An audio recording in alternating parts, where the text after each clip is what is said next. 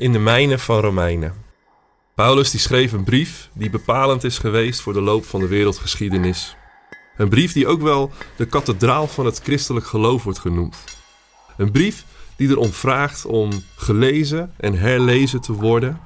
Een brief waar je schatten in kan opdelven, waar je in kan graven en waar je in kan zoeken. Een brief van Paulus, speciaal voor jou.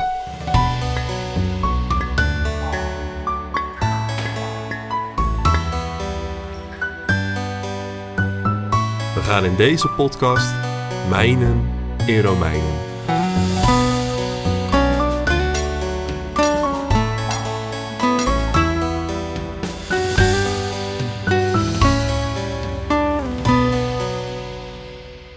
In de vorige aflevering hebben we gezien hoe Gods genade zichtbaar werd in de belofte aan Abraham en zijn nageslacht. Vandaag lezen we verder in Romeinen 9 vanaf vers 19 tot en met 33. Maar nu zult u vragen: waarom roept God ons dan nog ter verantwoording? Niemand gaat toch in tegen zijn wil? Wie bent u eigenlijk dat u, een mens, iets tegen God zou inbrengen? Vraagt het aardewerk soms aan de pottenbakker: Waarom hebt u mij gemaakt zoals ik eruit zie? Heeft de pottenbakker niet de vrijheid om van dezelfde klomp klei zowel een kostbare vaas als een alledaagse pot te maken? God heeft degene die het voorwerp van zijn toren zijn en die hij heeft bestemd voor de ondergang met veel geduld verdragen, omdat hij zijn toren ook wil tonen en zijn macht kenbaar wil maken. En omdat hij zijn overweldigende majesteit wil tonen, heeft hij degene die het voorwerp zijn van zijn barmhartigheid ertoe voorbestemd om in zijn majesteit te delen. Hen heeft hij ook geroepen, ons die niet alleen uit het Joodse volk afkomstig zijn, maar uit alle volken, zoals ook bij Hosea staat geschreven: Wat mijn volk niet was, zal ik mijn volk noemen. Wie mijn geliefde niet was, zal ik mijn geliefde noemen. En waar tegen hen gezegd is: Jullie zijn mijn volk niet, zullen ze kinderen van de levende God worden genoemd. En Jezaja roept ook over Israël uit: Al zou het volk van Israël zo talrijk zijn als zandkorrels aan de zee, slechts een klein deel zal worden gered. Want de Heer zal zijn woord op aarde gestand doen, onvoorwaardelijk en onverkort. En zoals Jezaja al heeft gezegd, had de Heer van de hemelse machten ons geen nageslacht gelaten, het zou ons zijn vergaan als Sodom en Gomorra. Wat kunnen we hieruit nu opmaken? Hoewel ze er niet naar hebben gestreefd, zijn heidenen als rechtvaardigen aangenomen, op grond van hun geloof. Maar Israël, dat er naar streefde door de wet rechtvaardig te worden, heeft dat niet bereikt. Wat is daarvan de oorzaak? Ze handelden alsof het van hun daden afhing en niet van geloof.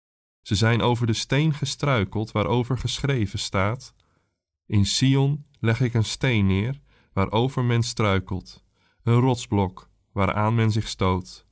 Maar wie in hem gelooft, komt niet bedrogen uit.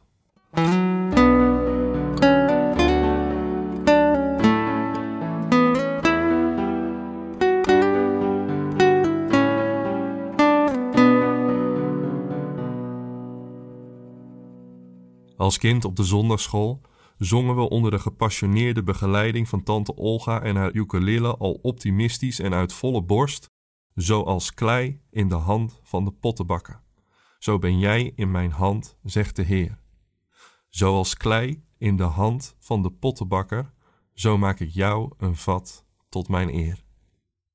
Het is eigenlijk wel grappig hoe bepaalde teksten zo bekend kunnen zijn dat ze je eigenlijk helemaal niet storen terwijl je bij een nadere beschouwing van de door Paulus aangedragen metafoor in ons gedeelte vandaag ook wel irritatie of verbazing kan ervaren. We zijn toch zeker wel meer dan een klomp klei? Wat is dit nou weer voor negatief mensbeeld? Zoals we in de vorige aflevering al zagen, spreekt Paulus in Romeinen 9, 10 en 11 over zijn volksgenoten, over de Joden. En Paulus gebruikt een voor hen bekende metafoor de metafoor van de klei in de hand van de pottenbakker.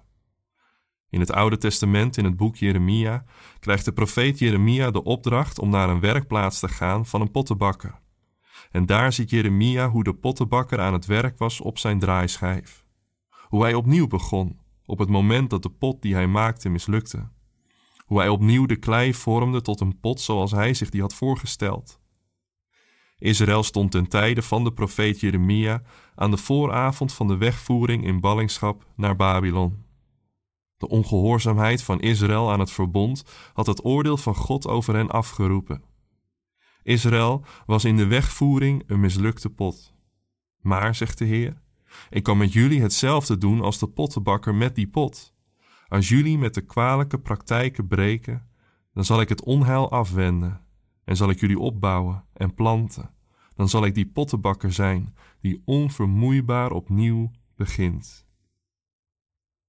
De bestemming van de klei is niet de grote hoop.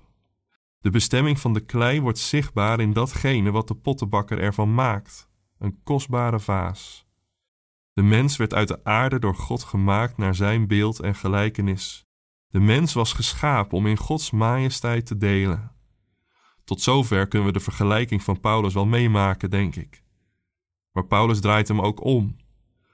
Vraagt het aardewerk soms aan de pottenbakker: Waarom hebt u me gemaakt zoals ik eruit zie? Met andere woorden, wie zijn wij om God te vertellen wie hij moet oordelen of behouden? Impliciet legt Paulus daar de vraag aan zijn volksgenoten voor of God verplicht is hen te bewaren voor het oordeel op grond van hun natuurlijke afstamming van Abraham.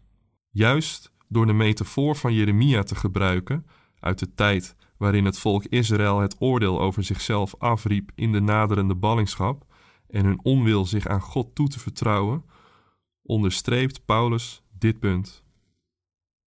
De bestaande situatie in Paulus' dagen met gelovigen uit de heidenen, met Joden die Jezus als Christus erkenden en met Joden die dat niet deden, wordt in Romeinen 9 door Paulus toegeschreven aan de soevereine God, wiens macht net zo goed zichtbaar wordt in zijn barmhartigheid als ook in zijn toren. Na het verhaal in Jeremia 18 over de pottenbakker die geduldig opnieuw met de pot begon nadat deze mislukt was, komt het verhaal in Jeremia 19 over de stukgeslagen kruik, waar Jeremia symbolisch een kruik stuk slaat als teken van het onomkeerbare oordeel van God. De crux tussen beide metaforen in Jeremia 18 en 19 is niet de willekeur van de pottenbakker, maar de wil van het volk. Er ligt een steen in Sion, het evangelie van Jezus Christus. Een steen waaraan je je kunt stoten of waarop je kunt bouwen. De keus is aan jou en het bepaalt het verschil tussen barmhartigheid en oordeel. Als klei in de hand van de pottenbakker mag je gevormd worden naar Gods beeld en gelijkenis. Ben je door je vertrouwen op het evangelie van Jezus Christus als mens deel van het goede werk dat God in jou is begonnen. Werk dat Hij zal volbrengen. Zoals in Genesis 1 God zijn scheppingswerk begon en voltooide, zo word jij in dit leven steeds verder richting je bestemming gevormd, als klei in de hand van de pottenbakker, tot eer van God.